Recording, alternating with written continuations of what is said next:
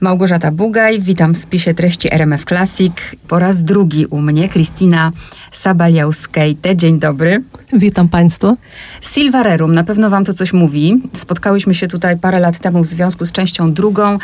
I proszę, 2023, Silva Rerum 4, koniec tetralogii. Tak. I na pewno, na pewno.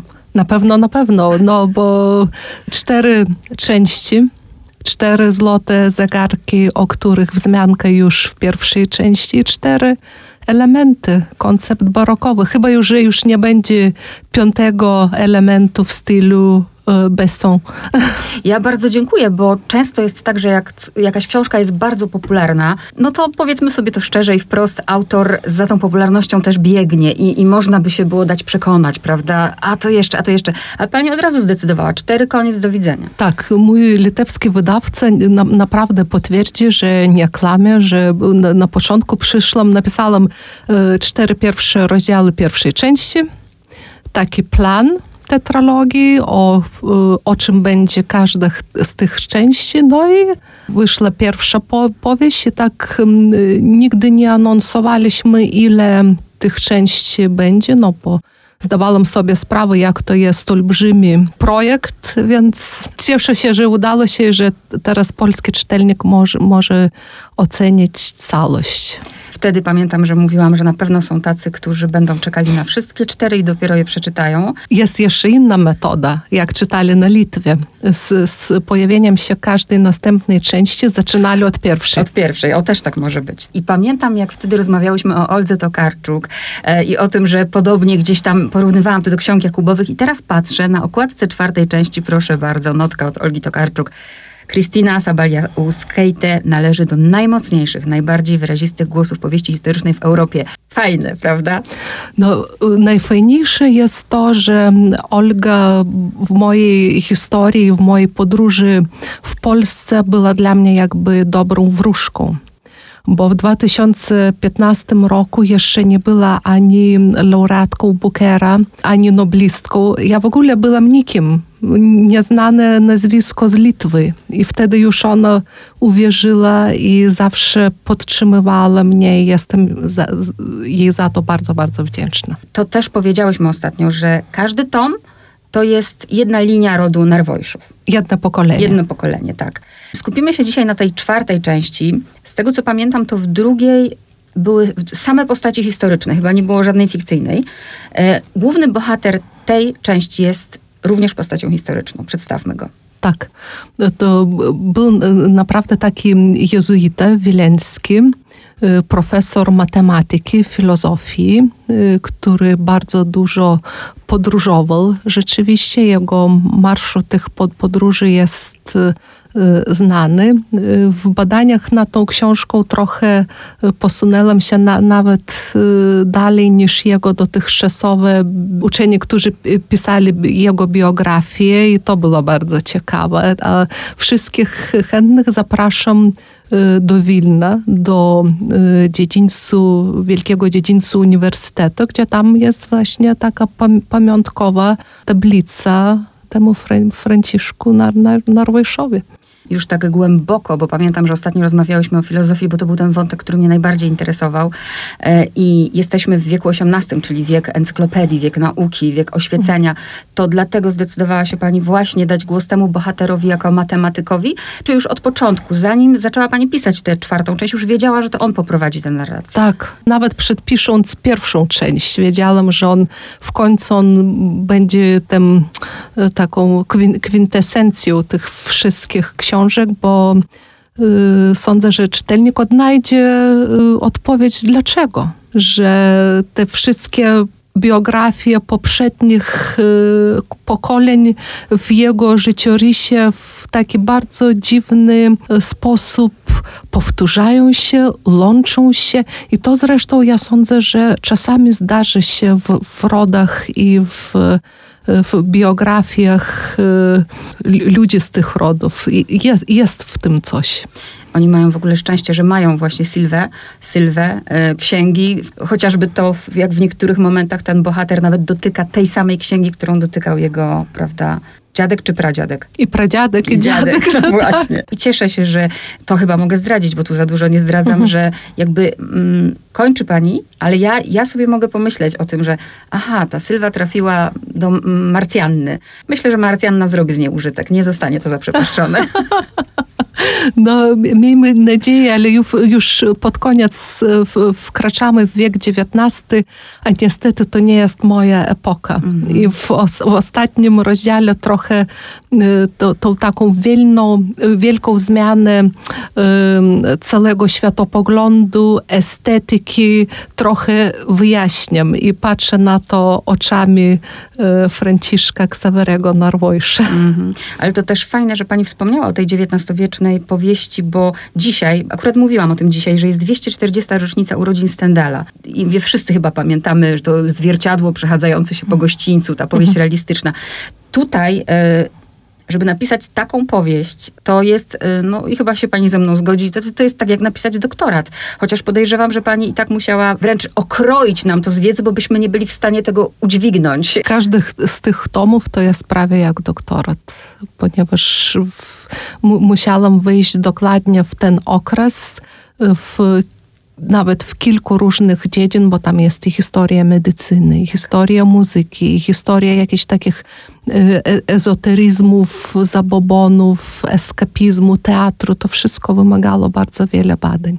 Moja metoda e, polega na tym, że jestem bardzo taka bezwzględna, okrutna autoredaktorka. Jak coś, jakieś nawet naj, najbardziej fascynujące detale czy biografie nie służy temu storyline, narracji literackiej e, powieści, to ją odrzucam. Zaciekawiło mnie bardzo, dlaczego się zmienia tłumacz. Pierwsze dwie części tłumaczyła Izabela Korybut-Daszkiewicz i e, te, też jest paradoksalne, że w pierwszych e, dwóch częściach są bardzo takie silne postacie kobiet, prawda? Mhm a potem już y, miała chyba, nie wiem, czy inne zobowiązania, czy zbyt odległe terminy i wtedy już mhm. tłumaczył Kamil Pecele i zresztą sądzę, że dobrze sprawił się i ten męski głos jest słychać. Bo pamiętam, że wtedy pani mówiła, że konsultowałyście się i e, tak. bardzo czułyście e, z tłumaczką to wszystko, więc jestem ciekawa, czy tu też ta współpraca właśnie tak, tak wyglądała. Tak, mhm. tak, jak najbardziej. Mhm. Ponieważ można te czytać, te Silvererum, naprawdę to jest też cudowne. Na tym polega wielka powieść, e, mówiąc wielka, teraz nie przesadzam, że i podejrzewam, że to był zamysł, że można ją naprawdę, że może ją przeczytać każdy. Może ją przeczytać gospodyni domowa i odnaleźć w niej historię, nie wiem, obyczajów, prawda, XVIII wieku, porodów, karmienia piersią, które się wtedy właśnie pojawia. Może czytać to historyk, znajdując zupełnie inne elementy. E, filozof. Można czytać oczywiście zbierając to wszystko. Ja bym kilka wątków chciała poruszyć. Wątek, może dzisiaj już nie jest to niepoprawne, ale wstrząsnął mną, e, kiedy młody Franciszek trafia do jezuitów. Zostaje po prostu oddany mm. przez rodziców mm. y, jako sześć miał? Sześciolat. Sześciolatek. Sześcioletni chłopiec wyrwany w imię jego dobra oczywiście, do zakonu, w którym doznaje, cały czas myślę o tym, że to jest dziecko, no doznaje, to jest chyba takie kluczowe wydarzenie w jego życiu, molestowania. Tak, próby molestowania, tak. Mhm. To, że się sprzeciwia temu, to że, się, to, że jakby potrafi się zbuntować, zastanawiam się, po kim on ma te cechy, bo przecież nie po ojcu. Chyba, że po Urszulie. No, bo, bo Urszula to była od uderzeń w twarz. No tak, ale tak jak mówimy, dziedziczymy, nie? Dziedziczymy po tych przodkach, mm. niesiemy różne rzeczy. Mm. Dała go pani do zakonu jezuitów i też świetnie pokazała y, właśnie, kim byli jezuici, kim się stali, co się w ogóle z tym zakonem y, stało. Y, I mamy historię człowieka nauki, który jednocześnie jest księdzem. W ogóle w tej, ja mam cały czas wrażenie, że cała ta część czwarta to jest pokazanie ścierania się jakby dwóch światów. Jeszcze świata starego ze światem nowym. Tak, tak. I, je, i jeszcze ten główny bohater, on też jest i poetą. Moim zdaniem poetą, choć chociaż on w pewnym momencie rezygnuje z poezji w swoim życiu, ale poczucie poezji, życia trzyma w siebie do końca swoich dni, bo zdaje sobie sprawę, że kiedy skończyła się jego przyjaźń z, z poezją, kiedy został wymuszony pisać poezję, a poezji nie da się pisać, pisać pod przymusem, prawda? Ale to ta, taka ten, tęsknota za poezją i właśnie po, poetyckie spojrzenie na, na świat, to mu towarzyszy całe jego życie. Jest człowiekiem nauki, ale są elementy wróżenia z fusów z kawy. Przy tych momentach się na przykład zastanawiałam. No to w końcu to jest pytanie, na które nigdy nie znajdę mhm. odpowiedzi. I czekałam, aż w ostatnim tomie pani ją znajdzie, ale dalej jej nie mam. Co rządzi tym życiem? Przypadek czy przeznaczenie? Hmm. Dalej jej nie mam. tak. Chyba wszyscy my szukamy odpowiedzi na to pytanie, jak ten główny bohater stojąc samotnie pod gwieździstym niebem, tak by powiedziałabym piękny początek, piękną klamrą kompozycyjną to pani spisuje i e, słowami filozofa, prawda, niebo gwieździste nade mną, prawo moralne we mnie. Właśnie o tej filozofii przypomnijmy, co mamy w pierwszym tomie, e, jakie nauki, co mamy w drugim, w trzecim i teraz e, do czego dochodzimy. No, to, to, trochę to jest związane oczywiście z, z filozofią, bo pierwsze to jest takie, pierwsza część to taki kartezjanizm, to jest napięcie pomiędzy duszą a ciałem. Druga oczywiście o przypadku i predestynacji to, to trochę jest Baruch Spinoza. Trzecia jest ezoteryka. Właśnie ucieczka w podświadomość, w te takie mistyczne świata, co zresztą było bardzo typowe dla tego okresu. No i już pa, pani odpowiedziała, tak. że czwarta ma w sobie coś z Kanta. Kanta, tak. To jest, to, jest, to jest ten wątek, tak jak mówię, drodzy słuchacze, każdy znajdzie coś dla siebie.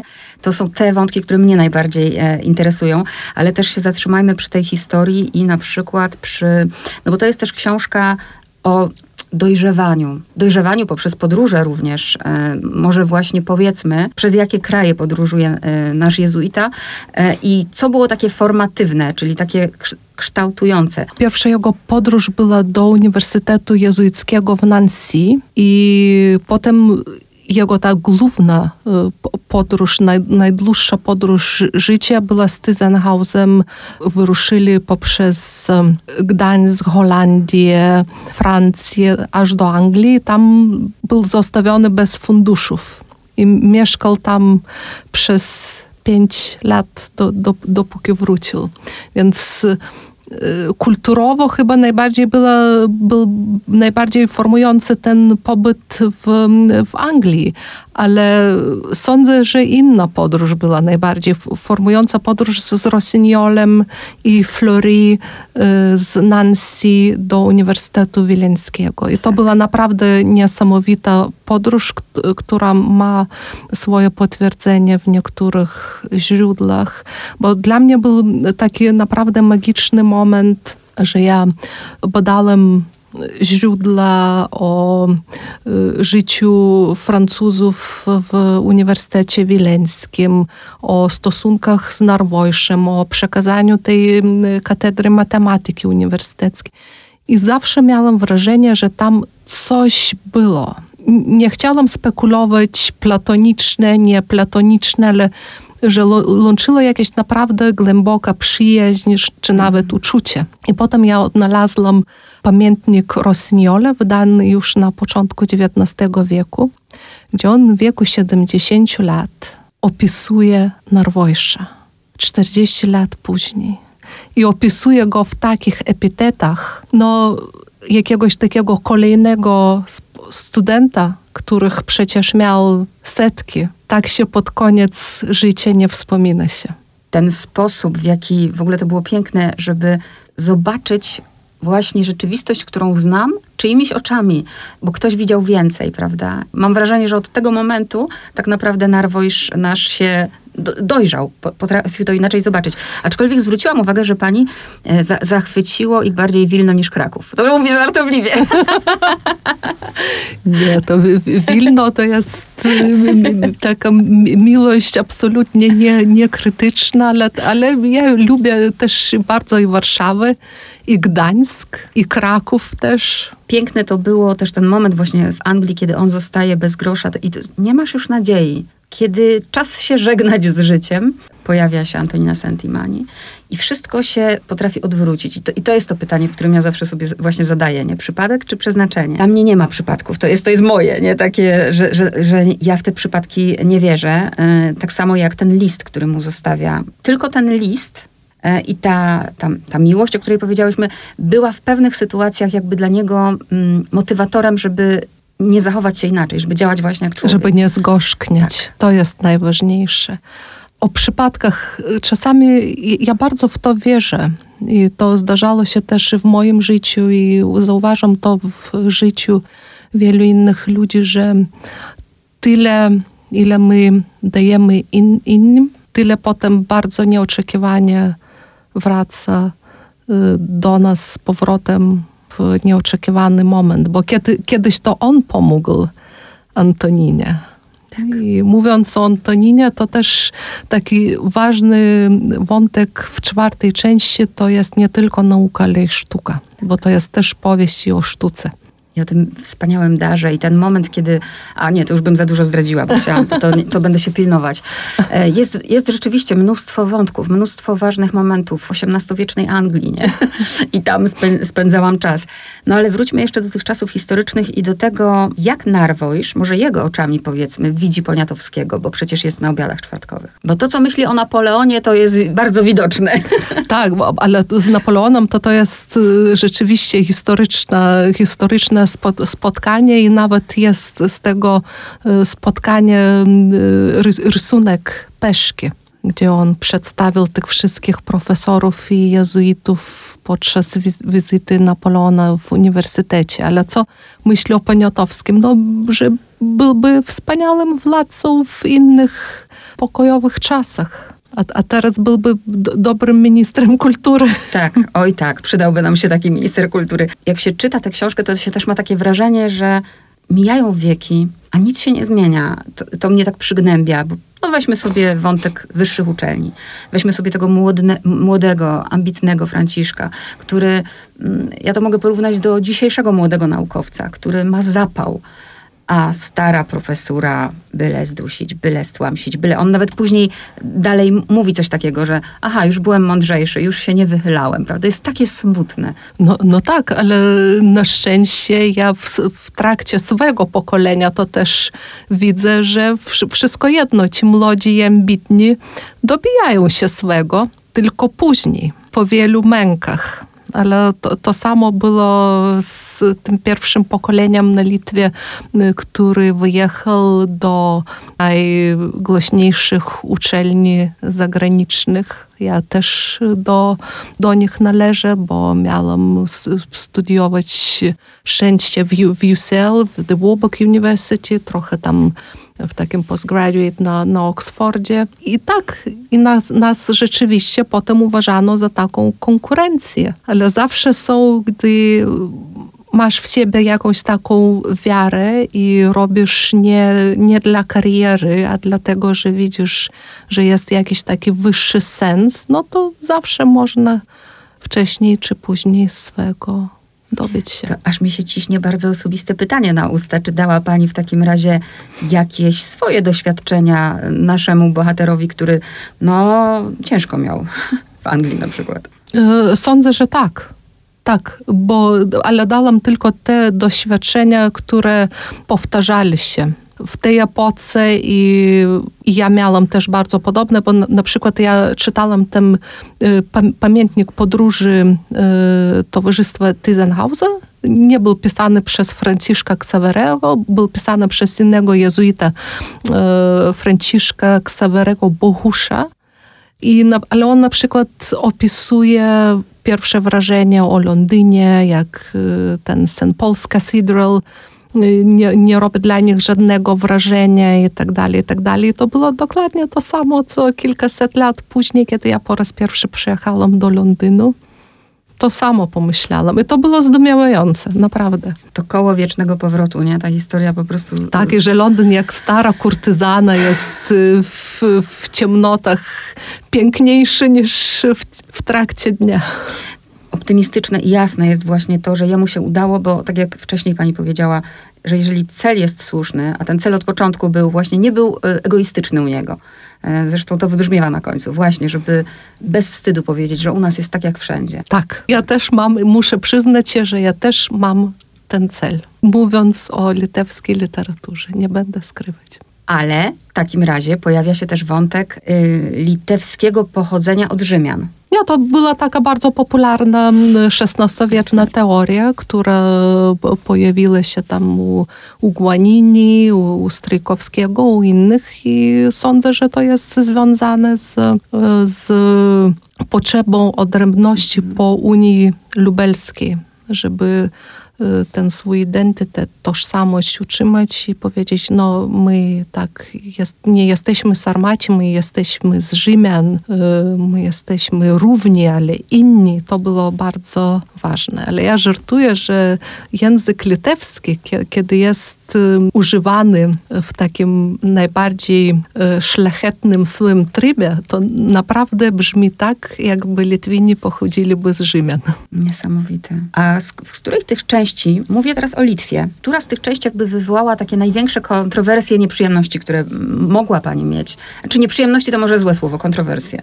No chyba, że pierwsza, bo był, był to, to był taki szok dla, dla wszystkich i z powodu tych e, polonizmów za 15 lat od ukazania się pierwszej części, teraz wszyscy e, przyzwyczaili się do nich. W, w ogóle język w literaturze jest używany bardziej twórczo, bardziej giętko, ale ja musiałam przejść tam przez takie, mm. kiedy wszy, wszy, wszyscy narzucili się.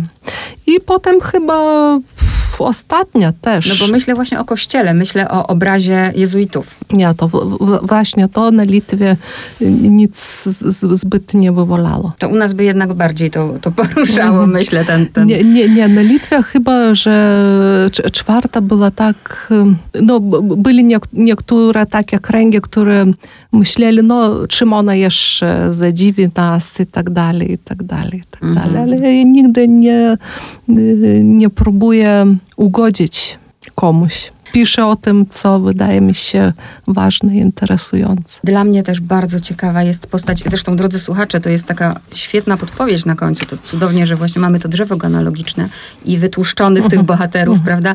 I no, no chcę o niej wspomnieć, bo tak jak zresztą Franciszek Ksawery mówi w pewnym momencie, kiedy no, następuje mezalians, prawda? I e, on używa takich słów, kiedy ci, którzy bronią narodu, łączą się z tymi, którzy dają chleb, prawda? Którzy dają mhm. jeść. I ta Marcjanna Mataitis jest tutaj no, bardzo ważną postacią, bardzo hardą. Doszło do tego połączenia, do tego mezaliansu, prawda?